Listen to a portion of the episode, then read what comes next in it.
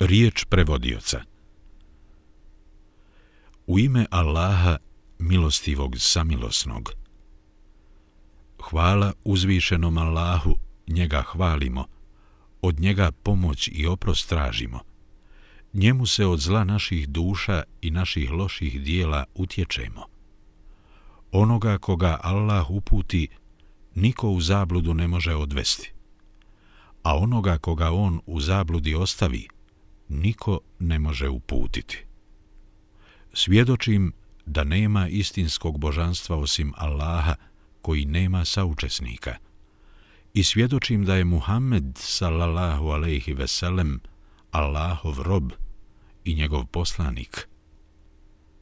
Pred cijenjenom čitalačkom publikom nalazi se prijevod dijela Hazel Habib Muhammedum Resulullah sallallahu alejhi ve sellem Ja Muhib, čiji je autor poznati učenjak šejh Ebu Bekr el Džezairi, dugogodišnji predavač u poslanikovoj džamiji u Medini.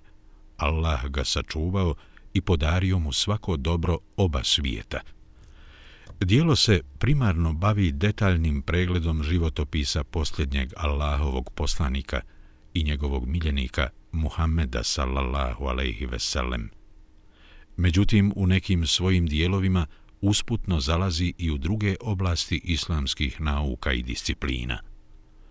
Ova knjiga nastala je transkriptom serijala od 79 predavanja koja je šejh prije 30 godina održao u poslanikovoj džamiji. Serijal je okončan u ponedjeljak 22.1407. hidžretske godine, odnosno 16. jula 1987. godine i cijeli je u audio formatu dostupan na popularnom islamskom web portalu islamvej.net. Predavanja su iz audio formata pretočena u pisanu formu, nakon čega je štampana knjiga, čije je publikovanje nakon pregleda odobrio sam šejh El Džezairi.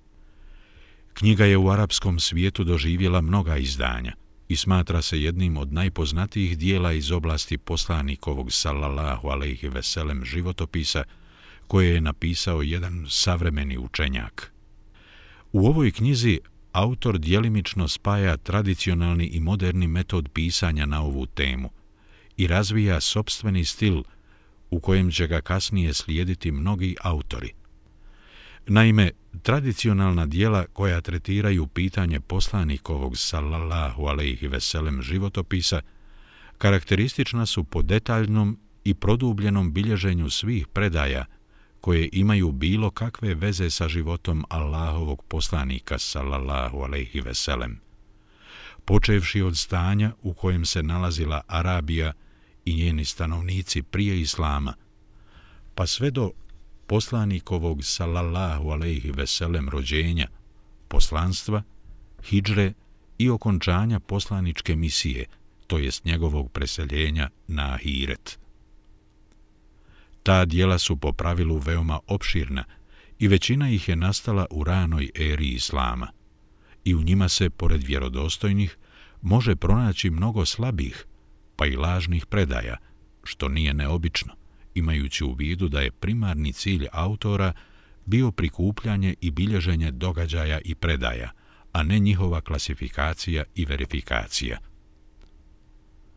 O tome, na početku svoje elfije, kaside od hiljadu stihova, na temu poslanikovog sallallahu alaihi veselem životopisa, reče Hafiz Iraki. Tragalac za znanjem treba dobro znati. Knjige će mu Sire i Sahih i Munker dati. Biografi što skupiše, cilj je da se spomene, iako neke predaje nisu vjerodostojne. Sira je arapski izraz za životopis.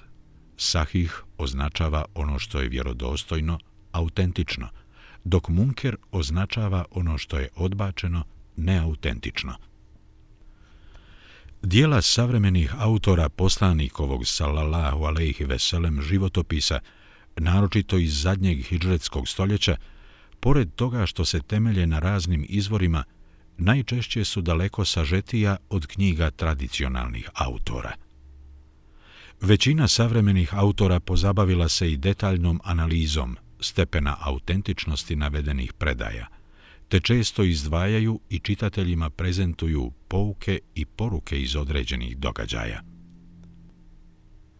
Knjiga koju imate pred sobom zadržava elemente tradicionalnog, jer šejh El Džezairi na mnogo mjesta doslovno citira riječi ranih biografa, ali posjeduje i elemente savremenog, jer kroz analizu citiranih odlomaka čitateljima nudi konkretne upute i smjernice, te ih vješto, onako kako to samoučenjaci umiju, smješta u okvir današnjice, pokazujući na taj način da je životopis Muhammeda sallallahu alaihi veselem neiscrpni izvor mudrosti i univerzalnih koristi koje umetu, ali i cijelom čovječanstvu, sve do sudnjeg dana mogu trasirati put ka sreći i uspjehu na oba svijeta. Knjigu odlikuje i lagan jezik i narativni, to jest pripovjedački stil, kojim autor osvaja srca čitatelja. Imajući u vidu da za ovu knjigu u arapskom svijetu još uvijek nije urađen tahkik, to jest stručna verifikacija prvenstveno hadisa i predaja, ali ni spomenutih informacija i događaja s detaljnim osvrtom na stepen njihove vjerodostojnosti i autentičnosti, odlučio sam s ciljem da čitateljima olakšam čitanje dijela i otklonim eventualne nedoumice, dodati kratki komentar na dijelo – i izvršiti verifikaciju većine spomenutih hadisa. Stoga želim ukazati na to da su sva pojašnjenja u fusnotama i marginama opaske prevodioca, izuzev 50 fusnota označenih zvijezdicom koje predstavljaju napomene autora. Također bih napomenuo sljedeće. Prvo, na nekoliko mjesta izostavljen je prijevod nekih odlomaka koji se nalaze u originalu radilo se o opaskama autora koje se nikako nisu uklapale u koncept pisanog dijela ili se radilo o digresiji koja je često neizbježna u predavanjima. Drugo, za većinu hadisa i predaja koje autor spominje navedena je kratka ocjena.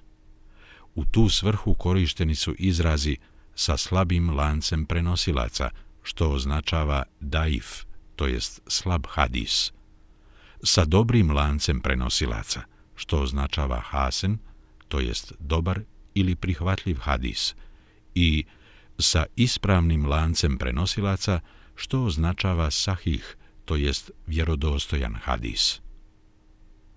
Na nekim mjestima, gdje sam to smatrao korisnim, detaljnije je pojašnjena ocjena hadisa, uglavnom bazirana na mišljenju savremenih hadijskih stručnjaka poput Nasirudina Albanija, Abdul Kadira Arnauta i Šuajba Arnauta. Što se tiče hadisa koje bilježe Buhari i Muslim u svojim sahihima, kod njih nije navedena nikakva ocjena, jer je opće poznato da su svi hadisi koji se nalaze u ove dvije hadijske zbirke vjerodostojni. Svi događaji i predaje koje nisu referencirane, kao i hadisi za koje nije navedena ocjena, spomenuti su u barem jednom od četiri glavna tradicionalna izvora koja je šejh El Džezairi koristio, a to su Ibn Hišam, 2018. hidžretske godine, Siretu Ibn Hišam, Kadi Iyad, 544. hidžretske godine, Eš Šifa, Bitarifi, Hukukil Mustafa,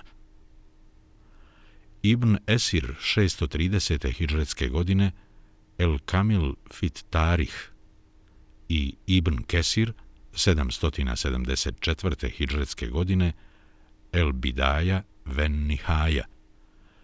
Osim navedena četiri primarna dijela, šejh El Džezairi koristio je i dijelo Muhtesaru Sireti Resul, čiji je autor Muhammed bin Abdul Vehab 1206. hidžretske godine.